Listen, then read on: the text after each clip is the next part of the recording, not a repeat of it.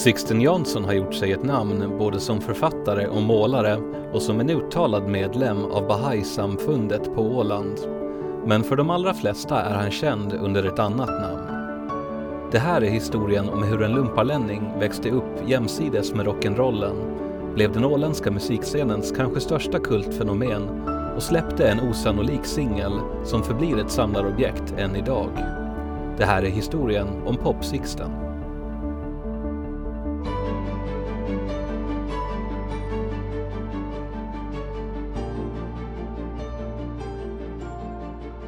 Ja, jag heter Sixten Jansson men jag är känd som Pop Sixten. Jag har bland annat sjungit i, i en skiva som heter Don't Stop the Music som var nära att bli ett verkligt hit i Sverige. Sixten Jansson föds den 11 september 1946, det nionde barnet i sin syskonskara och hans barndomshem blir hemmanet Åkerlunds i Svinö, Lumpaland. Det är ett stort hus som Sixten själv senare beskriver som perfekt för många barn, med högt i tak och mycket svängrum. När Sixten är ungefär två och ett halvt år gammal dör hans mamma i barnsäng efter att ha fött sitt elfte barn, Nanna. Ungefär hälften av syskonen är vid det här laget fortfarande väldigt små. De äldsta systrarna i familjen, Elvi som var 16 och Gunnevi och Anita som var flera år yngre, minns Sixten att blev tvungna att växa upp väldigt fort och börja ta på sig ansvaret för hushållsarbetet. Nanna blir adopterad och många av de yngre syskonen bor periodvis hos olika fosterfamiljer och släktingar men håller kontakten så gott det går och många av dem går även kvar tillsammans i Lumpalands skola. När Sixten är i skolåldern märks det att hans syskon är kreativa. Systern Elvi målar och brodern Per-Anders täljer träfigurer som föreställer gubbarna i Lumparby och snickrar leksaker till de andra syskonen. Last och sportbilar, lastfartyg och racerbåtar. Sixten själv blir tidigt intresserad av musik och dans. Lillebrodern Per-Åkes fosterfamilj spelar fiol för dem när Sixten sover över hos Sven-Åke. På Elvis bröllop dansar han shottis för första gången med Gunnevi något han i efterhand minns som det roligaste han gjort upp till den punkten i hans liv. 1959 lär Anita honom dansa tango i gårdens bagarstuga och eftersom de saknar musik sjunger hon Augustin av Brita Borg, Sveriges bidrag till Eurovisionsslagerfestivalen. Vi hade skivspelare och en radio och, och, och i början så var, fanns det nästan ingen popmusik i radion utan man skulle lyssna på Radio Luxemburg på kvällarna. Jag kommer till och med ihåg att det var jätteviktigt för oss. Och sen så kom någonting som hette Kvällstoppen som var ungefär som trackslistan idag. Och så var det, fanns det tio och topp också. Så, så ungdomarna själva fick rösta fram sina favoriter. Vad var Radio Luxemburg för någonting? För, för de av oss som har växt upp efter att... Ja, hur ska man klara det? Antagligen låg det väl i Luxemburg då, men, men på, på dagarna så, så pratade de tyska har jag för mig. Men sen på kvällarna så blev det engelska och, och mera rock och pop och så vidare. Och de hade till och med en textlista där också. Just det, det här är ganska viktigt. Det fanns ju någonting som hette Radio Nord också. Det var de som började spela lite modernare slager och pop och så vidare. Så efter det så så kände sig Sveriges Radio P3 tvungna att börja köra med sånt och inte bara klassisk musik och strunt.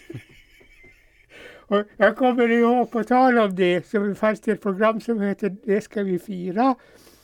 Och, och, och, varje gång de skulle spela någon lite poppigare musik så var det de äldre listorna och det har visat sig sen att de visste inte riktigt de kunde varna till exempel för Bridge över troubled water. som alltså, listan gillade ju den faktiskt på den tiden.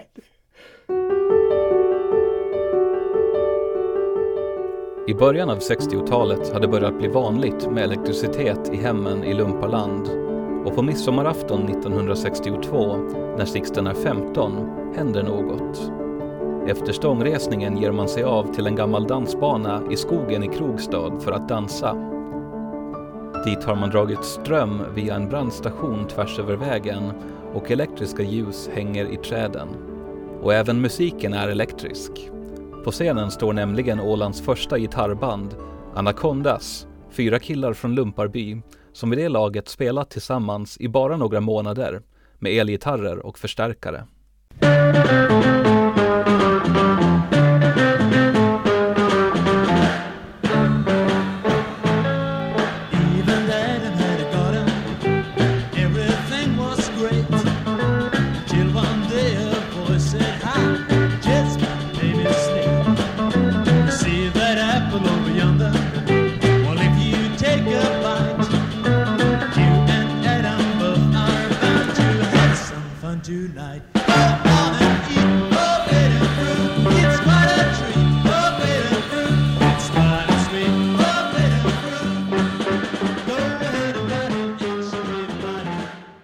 Jo, jo, jag har ju berättat i mina memoarer att de faktiskt spelar för första gången på en numera nedlagd dansbana i, i, i Krokstad i Lumparland. Jo, sen den här dansbanan kom till som så att först hade de ju, det fanns ju dansarberg. Men det, först, det fanns ett dansarberg som var, låg för deras kyrkan och det tyckte de inte om. Så det var en gubbe i, där i Krokstad som ordnade med den här dansbanan. Och, och det drogs el genom skogen och upp dit och plus att de hade sådana här äh, kulörta lampor där. Så det här var första gången man hörde liksom den, den nya musiken på Åland, eh, gitarrmusiken. Jo, Eh, hur var det? Var det någonting alldeles speciellt? Visste man att det var någonting nytt som hände? Ja, jo, vi, jo, jo, vi visste det. Jag kommer ihåg att min pappa sa att så där musik skulle vi aldrig kunna dansa efter när vi var unga. För då, då, då hade någon, någon som hette Odd Mikko som kunde bara tre låtar påstå. Men jag, jag undrar nog det. Var det runt den här tiden också som du började åka till Mariehamn regelbundet? Eller var det först senare? Det var nog se, ja, jag började nog lite grann. Jo. Men det var nog egentligen senare som jag började på allvar, du vet, började sjunga på Unkan och så vidare. Vad gjorde man när man åkte till, till Mariehamn från Lumpaland då? Ja, man gick väl på bio och, och det, det gick så kallad biobuss på söndagarna. Och den gick tillbaka halv tolv så man hann gå både på bio och kanske gå in på någon av krogarna, Miran eller Sosis, innan bussen gick. Unkan hade funnits, var väl sedan slutet av 50-talet vad jag har förstått. Och det var, var ganska nytt. För, för jag vet att en av systrarna mina var dit och, och hon var inte riktigt van med det. Det spelades rock'n'roll. det gjorde de där.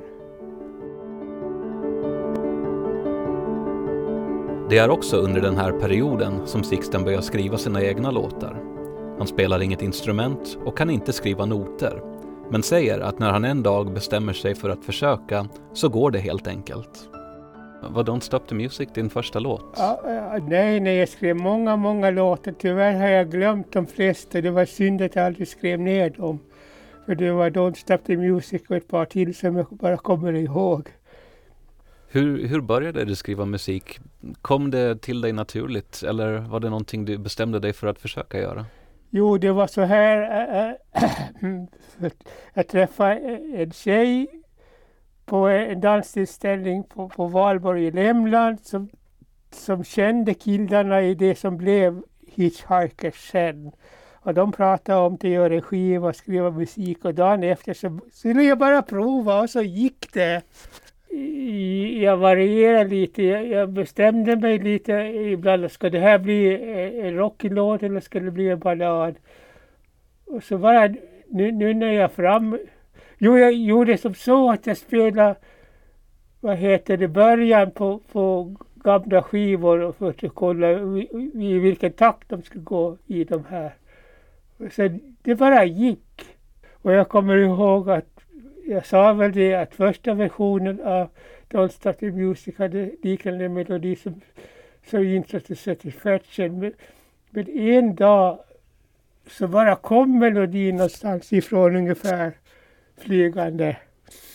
Men jag tror att det var en liten, liten, liten plagiat av en låt med Andrew Sister som hette, hette och vad heter det nu, Beer Bellow Polka.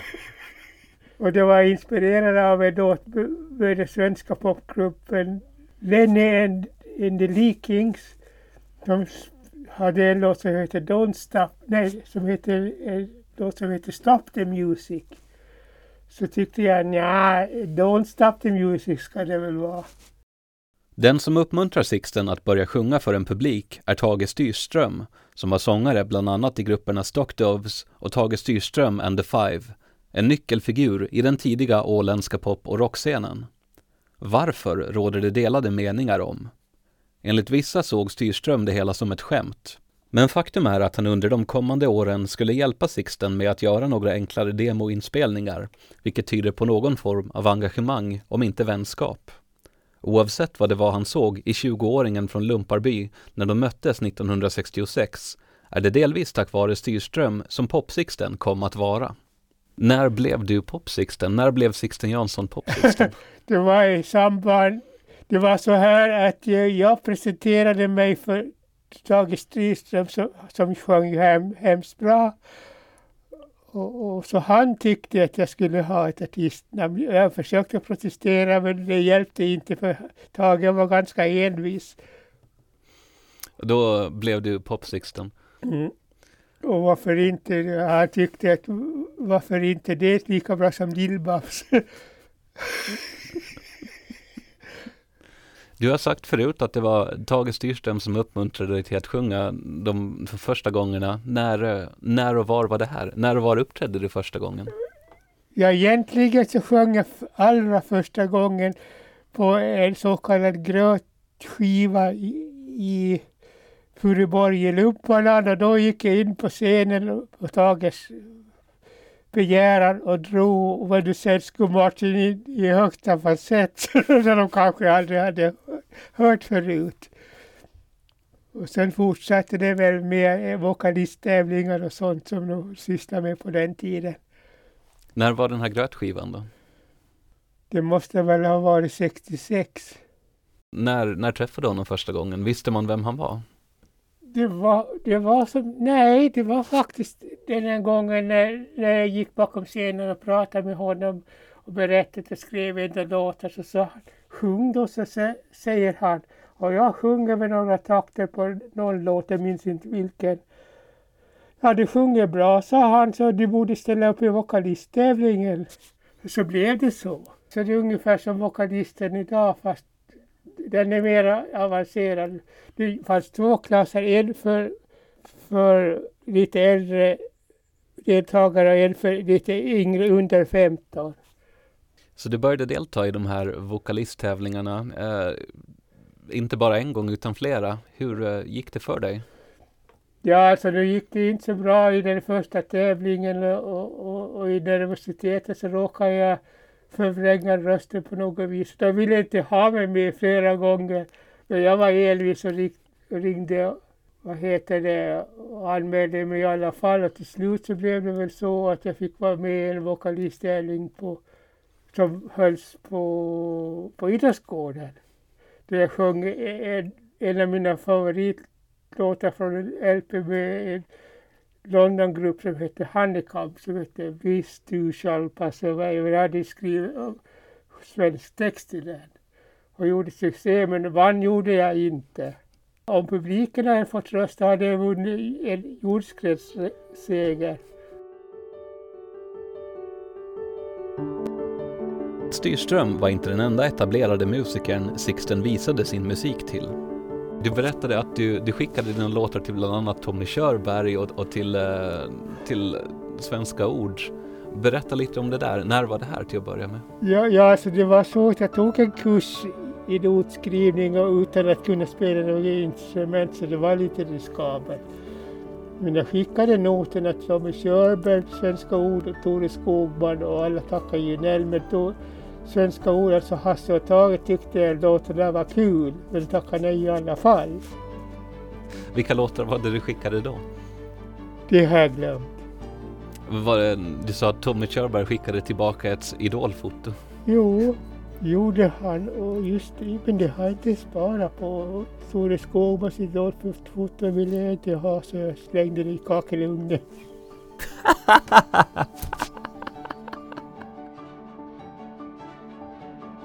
Sixten hade framträtt med olika versioner av Don't Stop the Music sedan 1967 på olika ungdomsgårdar och vokalisttävlingar. Genombrottet kommer 1980. Jag deltog i en vokalisttävling 1980 och, och, och jag testade den här låten nog kvällen innan jag, jag var i en bastu och tänkte ja, den låter nog bättre och sjunger den som folk som det heter. Men jag gav fan på att jag skulle ge järnet och så gjorde jag det och så fick jag skivkontrakt. På vokalisttävlingen den kvällen var husbandet Gäster, sprunget ur det tidigare bandet Boris Orchestra och bestående av bland andra Peter Granholm, Dick Söderlund, Ben Frisk och Åke Skott. Keyboardisten den kvällen, Randolf Reimers, berättar hur han minns framträdandet. Personligen så hade jag hade hört namnet och eh, eh, men visste väl kanske inte riktigt vem egentligen Popsixten var mer än att jag hade hört namnet och det, det berättades då att han hade väldigt underfundiga texter och, och sådant. Eh, den musikaliska kvaliteten var väl lite si och så, så att säga. Det var väl, det var väl ungefär allt som sades då. Eh, så när han sen dök upp då på vokalisttävlingen som deltagare så var det ju väl, ska jag väl nästan säga, det var väl lite sådär att jaha, vad, vad är det här som kommer liksom och, och sådär. Så att, men att eh, man tänkte inte så mycket på det. Hade ni fått eh, noter eller någonting i förväg på den här Nej. låten ni ska spela?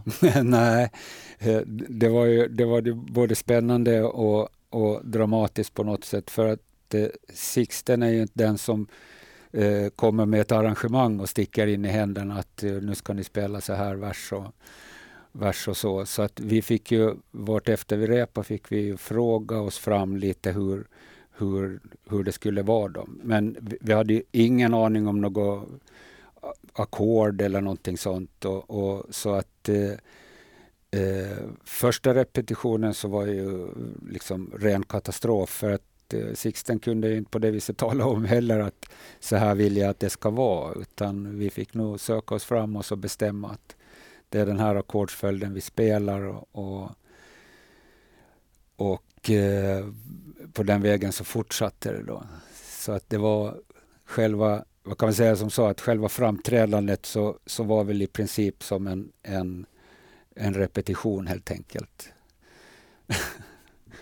Det, det föddes där och då i stunden. Det föddes ganska mycket där i stunden och sen tror jag att eh, i, i Sixtens nervositet så var väl inte han riktigt hundra heller hur det skulle, skulle vara så att det kan mycket väl hända att han eh, glömde bort någon refräng eller fortsatte med en refräng och vi fick eh, liksom hoppa på just i det ögonblicket. Då.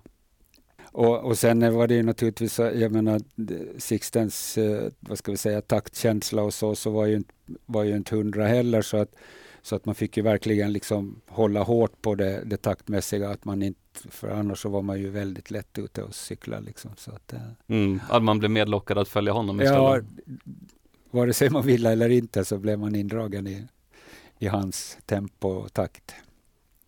Men ni, ni kommer igenom det i alla fall. Hur reagerade rummet?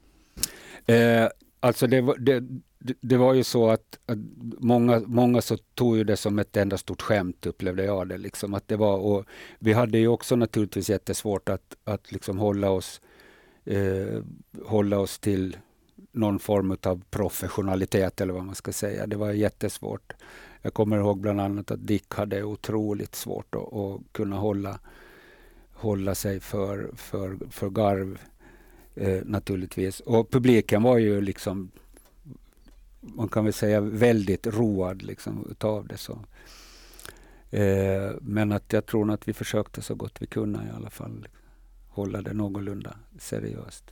Men det var, det, det var ju inte så att, att folk ställer sig upp och buar eller liksom står och pekar utan det var ju enormt jubel liksom när han var klar med den. Så att det var ju på det viset en succé för, för Sixten kan jag tänka mig. Men var det folk som gick igång på det också? Ja, eh, kanske, ja, kanske inte då. Jag, alltså det är så länge sedan nu så jag, jag minns inte. Och jag, jag, på det viset så kommer jag nog inte ihåg riktigt hur, hur publiken höll på med. Jag, jag tror nog mest att det var, jag har för mig att det var mycket liksom klappande i låten och, och, och sånt. Hur gick det till att du fick skivkontrakt? Alltså jag skickade in en kassett till, till flera skivbolag och ett av dem, ett av Sveriges största skivbolag, MAJ, så nappade direkt efter tre sekunder. Jag har fått höra och, och de tyckte att så här ska det låta även om man sjunger falskt och så vidare. De tyckte att det skulle vara så där. Så då var det ju folk som undrade hur i helvete kunde han få skivkontrakt när han sjunger så falskt. Och sen så ville de ha, vad var det bara att spela in en B-sida och det gjordes på, på Pubbasten med något band som kallade sig för Husmus. Och, och då, vi gjorde ett par tagningar och den på Sjung hej allihopa och det blev antaget. Och så jag var, var aldrig inte någon skivstudio. Den här spelningen blev ju senare singeln Don't Stop the Music. Visste ni om det? Eh, nej, nej faktiskt inte. Det, det var, jag, jag, vet i alla fall att, för att de bandade ju in hela vokalisttävlingen. Och, ja, jag tror det är väl radion som har bandat in tror jag. Och eh, Nej, alltså, vi, vi, hade ju ingen, ingen tanke på någonting och inte hade ju någon meddelat att den här, den här delen liksom så kommer att användas till det och det. Och eh, sen fick vi ju, kommer jag inte ihåg hur, hur långt efter vokalisttävlingen som det blev klart att han skulle göra en, en singel på den. Eh, eh, så då det var liksom det, vi fick läsa det i tidningen att, att han var på gång att göra en, en singel och i det i den stunden då så läste vi också att det var den bandningen från vokalisttävlingen. Så jag vet först, så, så, vi hade ingen aning. Sixten hade inte ens varit i kontakt med oss och frågat om det ens, att vi tyckte att det var okej okay att vi får, får den stora äran att vara med på, på liksom inspelningen på hans singel. Uh, så, så det blev, första reaktionen blev väl nog lite sådär att man blev lite, lite uppjagad och lite irriterad över att man för att vi kände ju att det resultatet från den inspelningen har man ju definitivt kunnat förbättra ganska rejält. Liksom för att, så så det, det, gick, eh, det gick lite över våra huvuden faktiskt. Var det förvånande att EMI plockade upp den här inspelningen? Det ska jag väl nog säga. Jag skulle väl inte liksom sagt att det var, att det var väntat. Jo, alltså det skulle väl kunna vara, vara väntat om något typ lokalt liksom hade tagit till sig och, och att vi ska släppa det här. Men att just, att just eh, EMI gjorde det, så det, det var nog väldigt överraskande. Men samtidigt så, så, så var det ju så reagerar man ju så också att, att då, då finns det ju en chans för honom att få ut skivan fast eh, det är väl mera, det är väl mera sånt som kommer i efterhand. Liksom. Det var, då tyckte man att vad fasen, det, det, behöver väl inte bli så uppschasat i och med att man inte riktigt var nöjd med, med materialet själv. Liksom. Vad var det då skivbolaget EMI såg i en liveinspelning från en vokalisttävling på en ungdomsgård på Åland? Ett uppträdande som många i publiken kan ha tagit som ett skämt. I samband med att singeln Don't Stop the Music gavs ut intervjuades Sixten och också Leif Berggren från EMI som först tog emot demoinspelningen av Per Holmberg för det som då hette Radio Åland. Så här lät det då. Ska vi ta och lyssna på den så får du presentera den? Vad heter den? Eh, Don't Stop the Music.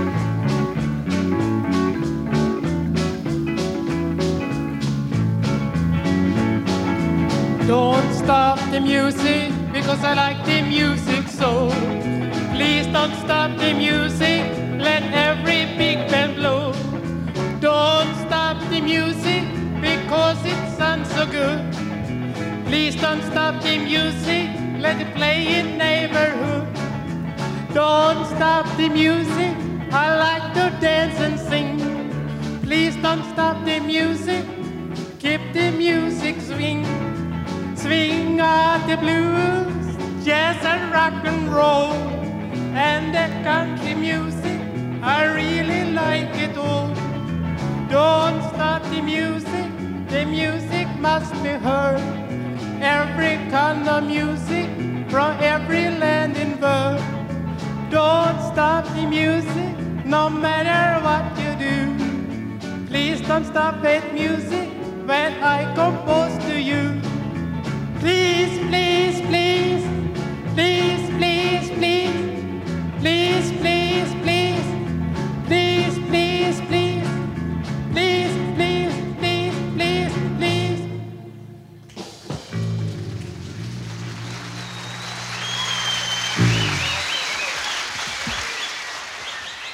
Så låter den alltså, A-sidan på din första singel. Du skrattar. Tycker du, tycker du själv den här är bra?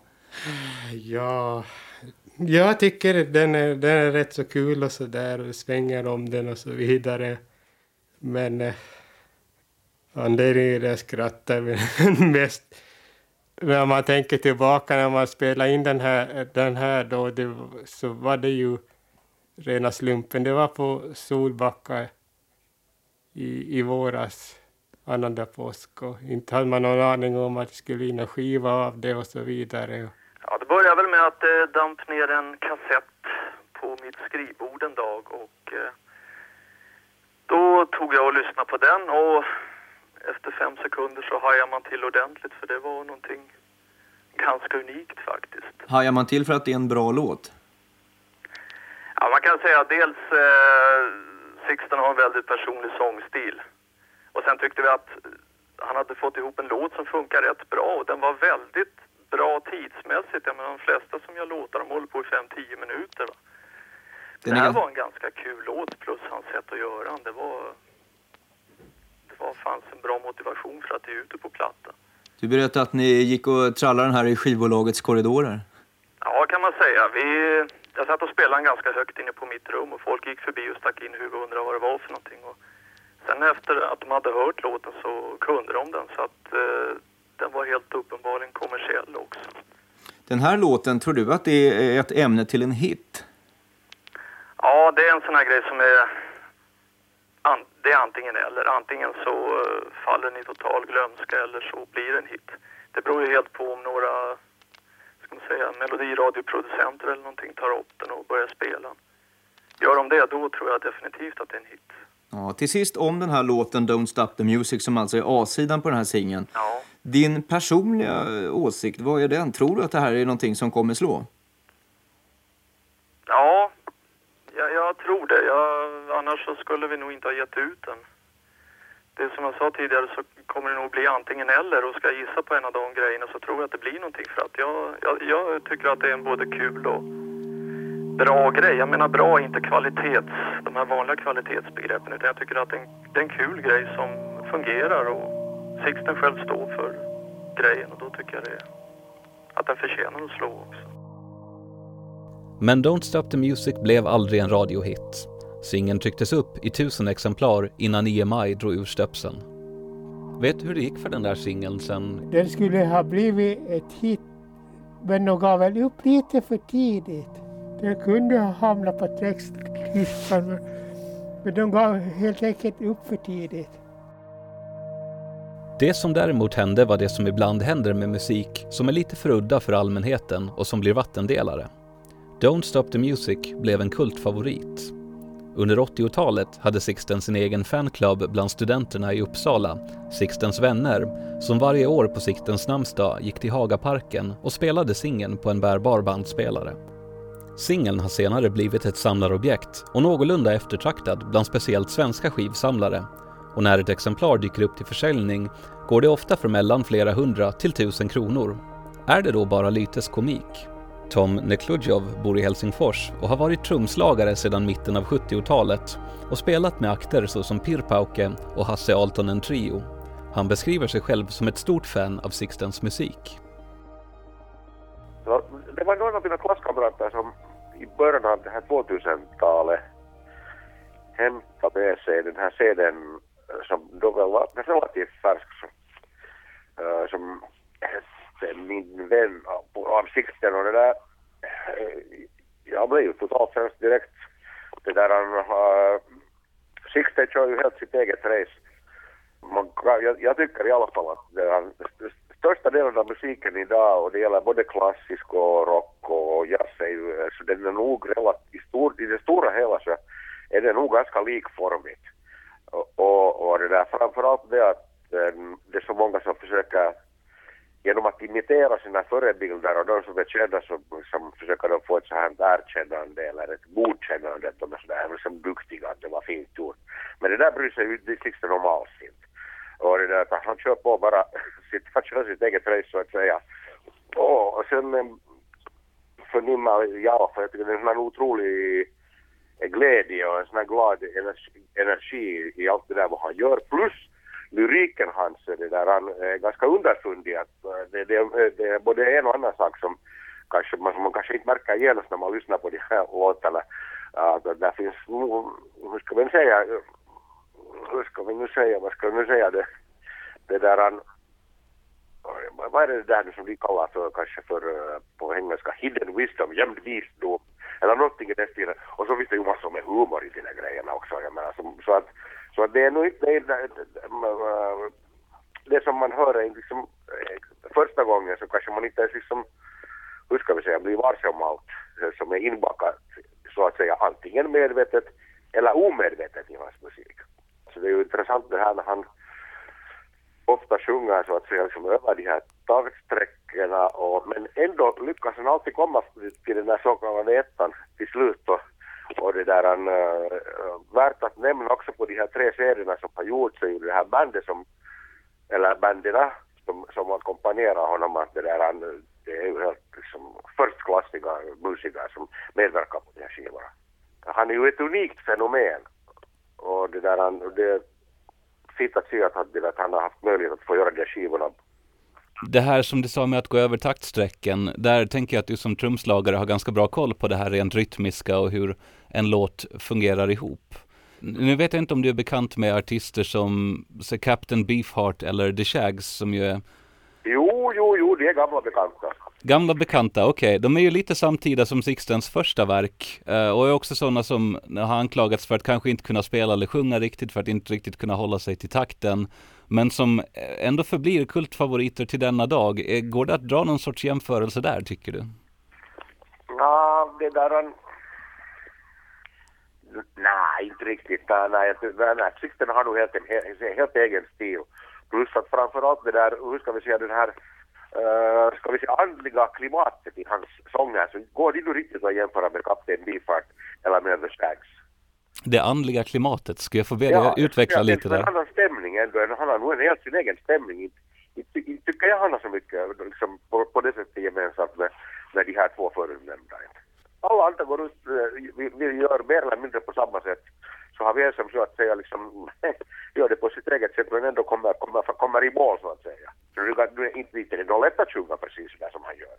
Men det är just det där, men det är liksom svårt, det är, det är ohyggligt svårt att, att ehm, förklara det säkert på det sättet i så här så kallade vetenskapliga termer eller försöka liksom analysera. Det, det går inte riktigt helt enkelt. Och varför skulle man behöva göra det? För Sixten fanns det däremot inget tvivel. Skulle jag kunna vara efter den tävlingen eller om det var efter det att han hade släppt skivan? Nu kommer inte jag ihåg det riktigt.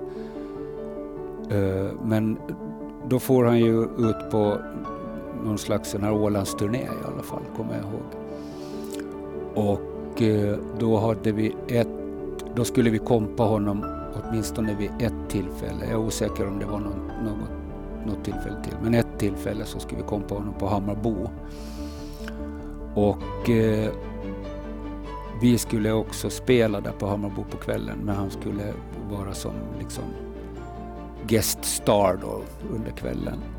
Och jag kommer ihåg bara att, att eh, vi, vi, vi blev liksom sådär imponerade av att det kommer en en åländsk artist och liksom kräver i sin, i sin rider att han ska ha egen loge och liksom sätter med allting som ska finnas i den logen. Eh, och, och sådär. Så vi, vi blev liksom, ja det var sån där, ja man blev lite imponerad att han, då, då var han på väg uppåt liksom. Han var en riktig rockstjärna helt Han var en enkelt. riktig rockstjärna. Ja. Det var faktiskt helt otroligt för det var jättemycket folk. Det var otroligt mycket folk som, som kom dit så att just den kvällen att vi skulle spela dansmusik resten av kvällen så det var ju, det var ju ett lyft för den kvällen. Eh, och eh, jag kommer ihåg bara känslan när vi började och, och liksom den här tryckvågen som kommer från publiken när den kommer fram rusandes till scenen så har jag väl aldrig upplevt eh, tidigare och inte ens senare heller faktiskt. Det var helt otroligt alltså vilken, vilken respons han fick just på det då. Så, så det, var, det var en upplevelse i sig så att säga. Och samma där, han blev ju liksom nog väl mottagen och, och, och på det viset. Jo, det måste jag få berätta. Det var när jag, jag tror det var första gången jag sjöng på Baser eller om det var andra. Andra måste det ha varit.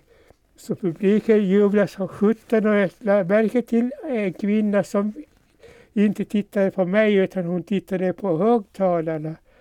Så visade det sig att hon var ju alldeles blind så hon kom bakom scenen bara för att krama mig. Och det var, tyckte jag var ett jädrans bra betyg för att hon hade ju inte sett showen. Hur är det för dig att vara på scen? Hur känns det och, och vad gör du? Det var någon som undrade varför jag sökte jag till teaterskolan efter att jag trivs så bra på scenen. Så, men, men vad händer när du står framför ett rum fullt med människor och, och du hör musiken? Hur känns det? Ja, helt fantastiskt. Och jag kommer ihåg i början så brukade jag vara jättenervös när jag skulle upp på scenen. Men sen när man kommer upp på scenen och folk börjar jubla så bara fan. Så då försvinner nervositeten. Hur är det att gå ner efteråt och när, när showen är över och möta sin publik? It's alright ma. I'm only bleeding, kan jag säga. Det där var Bob- Bob Dylan. Jo, det, det känns bara fint. Om jag får skryta lite så är jag ganska stolt för du vet Elvis skulle våga sig inte upp för scen för att han var halvfull först och Dennis Joplin likadant. Och självaste Jimi Hendrix så dog ju i sina spyor han. Och Sixten har fortsatt uppträda sedan dess. Förutom att ha spelat in tre hela album, Min vän från 2002, Gröt i kaffepanna från 2007 och Läppstift från 2011 har han bland annat uppträtt på Debaser i Stockholm på ett evenemang arrangerat av Sunkit, en svensk klubb för udda och bortglömd populärmusik på deras 10-årsjubileum 2006 och sedan igen 2008. Får du fortfarande mm, respons från människor om, om din musik? Är det någon som Nej. skriver till dig eller kommer upp till dig på gatan? Nej, det var inte som förr eh, tjejer kunde komma förbi och säga idol, idol, idol. Det var länge sedan det.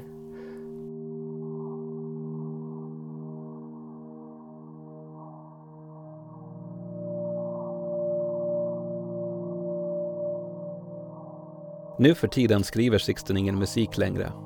Sedan ett par månader har han diagnostiserats med prostatacancer och går på cellgiftsbehandlingar.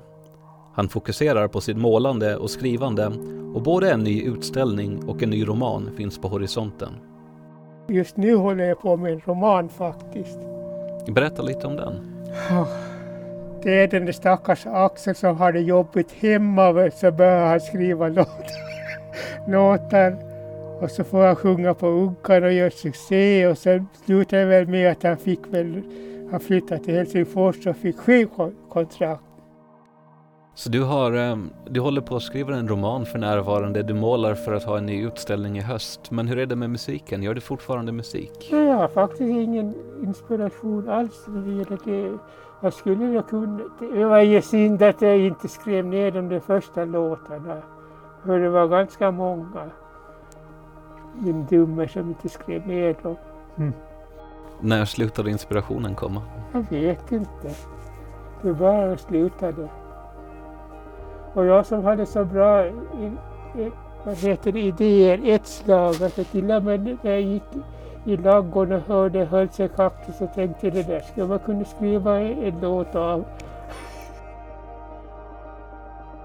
Du håller för tillfället på och går på cellgiftsbehandlingar. Du har eh, cancer. Jo, Hur... Eh, berätta lite om det. jag har alltså egentligen haft tur för att om jag inte har kommit till läkare i tid så skulle jag vara död vid det här laget. Men det var tack vare, vänta nu, det började med ä, att det stod i en, en annons att man skulle får komma till Medema på gratis prostatacancerundersökning och då skrev jag i, i Facebook att jag kan inte komma för jag har ju ingen bil. Så då fick jag hjälp av min lillebror Sven-Åke och skrev han i Facebook att ingen fara, jag, jag skjutsar dig. Och, och på den vägen är det. Idag har jag varit, jag får inte gå och simma på grund av risker för, för bakterier men jag, jag får gå och basta. Och när jag höll på att klä på mig idag så var det en gubbe som håller på och jåla på ren svenska så jag blev irriterad på honom. Så sa han att jag bara retas. Så tänkte jag för mig själv att nästa gång måste jag säga ifrån att ska man retas med folk som har cancer? Vad, vad tänker man i Bahai-tron om, om livet efter detta? Vad händer när vi dör? Ja, vet du vad, är det den här broschyren som jag har, så det första som man får komma att, att, att höra är att de berättar vilka man har sårat. Det låter inte så bra, tänkte jag säga.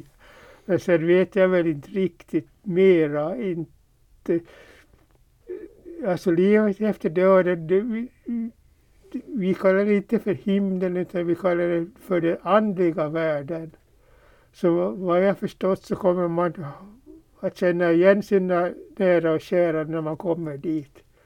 Och det låter ju bra tycker jag. Mm. Det är ingenting att vara rädd för i alla fall. Nej, det verkar inte så. Du har följt med den åländska rockmusiken så länge scenen har funnits, sedan 1962 och framåt. Um, lyssnar du fortfarande på den moderna åländska musiken? Försöker du hänga med? Nej, jag faktiskt slutade för några år sedan. Jag vet att Lamori, heter de så? Lamoria. Jag har kommit ut med en skiva men jag, jag, jag är inte så intresserad längre faktiskt.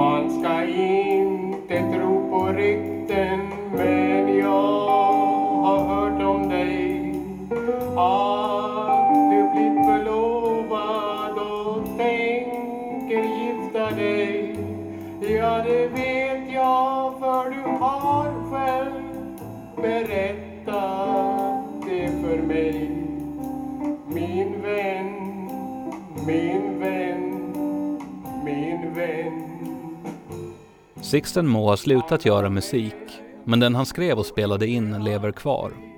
På åtminstone ett ställe i Mariehamn finns den fortfarande i rotation. Hans första fullängdsalbum, Min vän, är en av de hundra skivorna i Pubettans jukebox. Och enligt innehavaren Grulle Eklund spelas den här såväl för de redan invigda som för de som aldrig hört Sixten förut.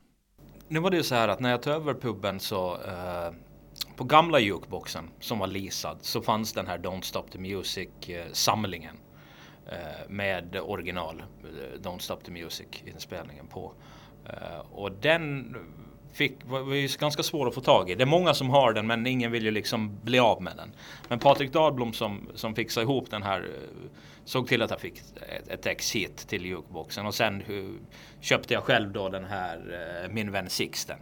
Så att den också finns här. Och, jo, det, det, folk hajar väl till. Han är ju en speciell artist. Det, det är klart att han är. Men eh, det är ju det som är, är vad jag gillar med Sixten också. Att det är ingen som kan vara som Sixten. Han är sig själv. Och ingen kan låta som han. Oavsett om man försöker eller inte så går det inte. Det heter att ingen blir profet i sin hemstad och kanske är det också fallet för Sixten Jansson. Grulle anser fortfarande att han är den mest igenkännbara artisten på den åländska musikscenen, men att han ändå lämnat sitt största avtryck i Sverige. Och att medan det går att sätta honom i samma fack som en knapp handfull andra artister finns det ingen som riktigt är som Sixten. Han är ju som sagt rätt känd. Det finns folk också som har frågat. Oj, har du Sixten? Eh, att han, han har liksom, han är, han är känd i vissa kretsar i Sverige. Och som sagt, man ska komma ihåg att den här Don't Stop the Music singeln var släppt på EMI. Som ju är ett jättebolag. Och den där singeln har, den figurerar rätt ofta och spelas ju ibland i radion även i Sverige. Så eh, jo, folk hajar ju till på, på, på Sixtens, eh, Sixtens låtar. Men eh, jag tycker att eh, nej, här passar det ypperligt att ha Sixten i jukeboxen. Absolut. Sixten är väl den som är mest igenkännbar, skulle, jag säga. Absolut, även bland eh, yngre och äldre eh, inom det åländska musiklivet. Och en, eh, ja, ja, en figur så att säga. Men, men han är ju i, bland, på svenska sidan också välkänd. I speciellt skivsamlarkretsar Eh, och sånt. Och där är han ju inte känd som Pop-Sixten utan där är det Sixten Jansson som han är känd som. Det här uppträdandet på, på Debaser då 2006 så var ju väldigt eh, bejublat omtyckt. Jag hade många, jag var inte själv där, men jag hade många åländska kamrater som var i Stockholm och, och var där. Och han var ju den första åländska artisten som uppträdde på Debaser. Baser. Eh, och jag tror att han, Debaser-slussen la ju ner sen. Och jag tror han är den enda åländska artisten som har uppträtt där. John Finne har nog uppträtt som gitarrist i Obnoxious Youth där efteråt, det tror jag. Men som artist så är nog Sixten den enda. Och det var ju då i alla fall den mest creddiga rockklubben i, i Stockholm. Men vad betyder det? Vad är det Sixten har lämnat efter sig riktigt? Det är ju en kultklassiker, Don't Stop the Music. Sen är ju det ska man ju komma ihåg också att till exempel en eh, Lars Demian som är en lite mörkare vis sångare trubadur i Sverige. Han har ju bekräftat hans skiva eh, Sjung hej allihopa från 2002. Det är ju taget av Sixten. Och, och, det är ju bekräftat. Men det intressanta är ju är Robins Don't Stop the Music taget av Pop Sixten? Eh, eh, Don't Stop the Music är ju en jäkligt bra titel. Och som sagt, den här är inte okänd. Den låg på ett stort bolag. Det tycker jag är en fråga som jag skulle vilja ha svar på vad gäller Sixten. Har Robin snott sin liksom eh, låttitel från Sixten? Det, det tycker jag är en, eh, en fråga och en liten gåta jag skulle vilja ha svar på faktiskt. Du är väl av många ansedd som någon som har stenkoll på just det kultmusik. Hur vanligt är det att, att en låt eller en artist blir ett fenomen på det här sättet? Uh, att man liksom träder väldigt försiktigt på den här gränsen mellan, mellan eh, skämt och, och genialiskt eller vad man ska säga. Jo, det finns ju ett antal sådana artister men jag tycker ändå Sixten är inte riktigt är så. Eh, jag menar det är säkert folk som kör liksom parallellt till ett pilarm och sånt men det tycker jag är helt fel i, i det här fallet. Att, att eh, Sixten skriver ju egna texter och, och, berättar sina berättelser och har sin unika stil. Så jag tycker ändå inte att han, eh, han, han hamnar i ett eget fack ändå tycker jag.